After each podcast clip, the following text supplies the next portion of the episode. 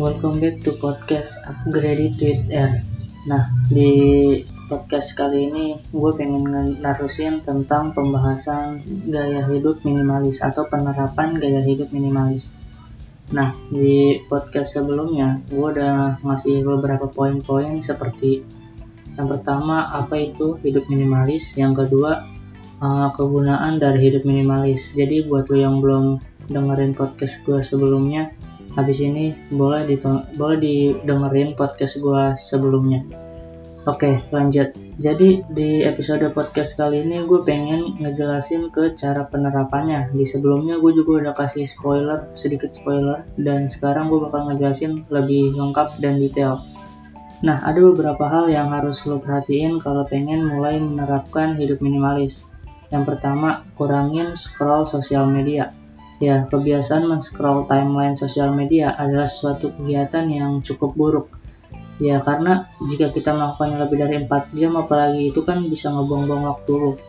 Kenapa gue bilang buruk? Ya, tentunya lu nggak bakal dapat apa-apa kecuali dapat hiburan.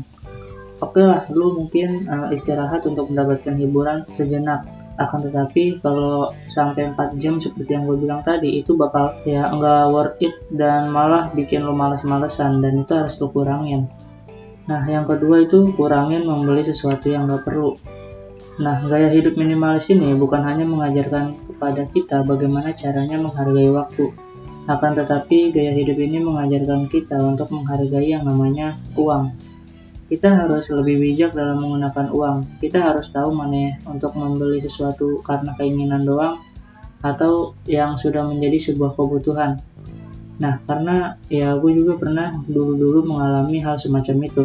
Membeli sesuatu yang sebenarnya gue nggak perlu-perlu banget dan yang sekarang malah barang-barang itu udah nggak berguna banget buat gue. Udah kebuang dan nggak kepake lah menurut. Yang ketiga itu kurangin mengeluh dan perbanyak bersyukur Agar lebih bijak dalam menghargai waktu, kita harus untuk mengurangi rasa keluhan, mengurangi rasa keluhan kita. Kenapa gitu? Karena ketika lo mengeluh, otomatis mood lo akan buruk dan tentunya itu akan menghalangi produktivitas lo. Jadi daripada lo mengeluh, lebih baik lo bersyukur ya nggak? Karena kita masih banyak, karena masih banyak kok orang yang uh, istilahnya lebih susah dari kita dan tentunya kita harus bersyukur karena kita udah dikasih rezeki Nah, yang ke berapa ya tadi? Uh, empat ya sekarang. Empat. Yang keempat itu uh, kurangin membuat keputusan yang gak penting.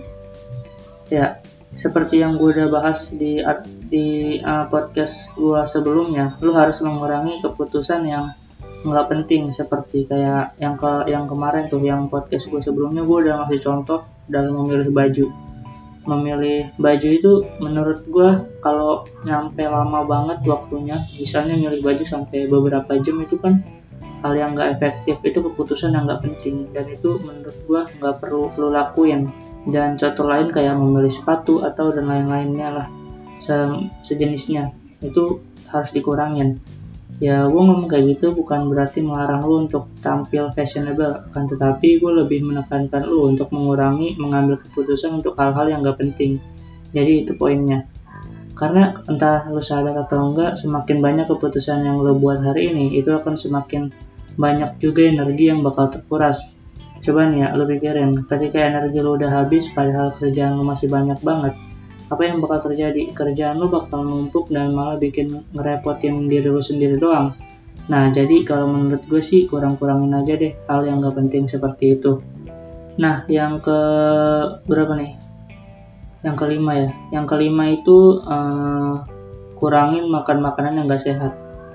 Ya bukan hanya waktu dan finansial doang yang harus lo perhatiin dalam gaya hidup minimalis ini dalam menerapkan gaya hidup minimalis ini akan tetapi kesehatan lo juga harus diperhatikan, yaitu dengan cara mengurangi makan makanan yang enggak sehat dan enggak penting buat kesehatan tubuh lo.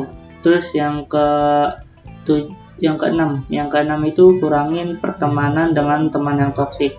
Ya, ketika lo memilih teman yang toksik itu adalah hal yang enggak bagus sebenarnya, karena lo kurang mendapatkan timbal baliknya dan yang ada malahan lo malah bikin malah jadi stres gara-gara teman lo yang toksik ini tapi mungkin banyak orang yang nggak enakan sama temennya karena dia udah berteman dengan lama. Itu gimana cara ngatasinya ya lu tinggal bilang aja baik-baik ke teman lu kalau lu itu udah mulai um, menerapkan hidup minimalis dan lu itu nggak mau berteman dengan teman-teman yang toksik. Jadi ya lu bilang aja baik-baik sama dia dan tinggalin teman-teman lu itu.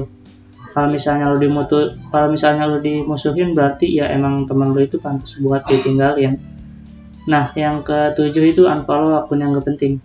Coba deh mulai sekarang lu cek akun-akun sosial media yang uh, lu follow tapi nggak pernah lu lihat lagi. Nah, akun-akun kayak gitu tuh uh, menurut gua harus dihapus saja karena takutnya malah ya kayak gua dulu yang tadinya cuma lihat cuma niat pengen update info di sosial media eh malah ketagihan gara-gara lihat video-video lucu dan ya malah me, apa namanya buang-buang waktu gua dan yang seharusnya gua bisa alihin ke hal yang produktif malah jadi kebuang percuma cuma. Nah ya udah sih mungkin itu aja dan jadi ya hapus-hapusin aja lah akun-akun yang nggak penting kalau menurut gua unfollow unfollowin maksud gua. Nah mungkin itu aja uh, beberapa cara untuk menerapkan hidup minimalis. Uh, ada berapa cara tadi? Uh, berapa ya? Tujuh ya kalau nggak salah. Ya ada tujuh Nah, kenapa sih uh, cara menerapkan hidup minimalis ini harus lo mulai di 2021 awal besok? Karena kan ya karena karena besok itu kan udah uh, awal eh, uh, ya awal tahun baru kan. Dan di mana setiap tahun baru itu lo harus mempunyai uh, resolusi dari sebelumnya atau lo harus melihat uh, kegagalan apa yang lo udah lakuin di 2020 biar 2021 itu jadi lebih baik jadi cara menerapkan hidup minimalis ini penting banget kalau menurut gua biar lu bisa jadi lebih baik dan terupgrade. Oh ya jangan lupa buat nonton uh, apa namanya YouTube dari SMA for Learn. Di sana gue juga ngasih beberapa tips-tips tentang self improvement dan masih banyak lagi lah edukasi lainnya yang gue taruh di YouTube SMA for Learn dan juga jangan lupa baca artikel dari sminforlearn.com Mungkin itu aja. Uh, don't forget to upgrade it yourself.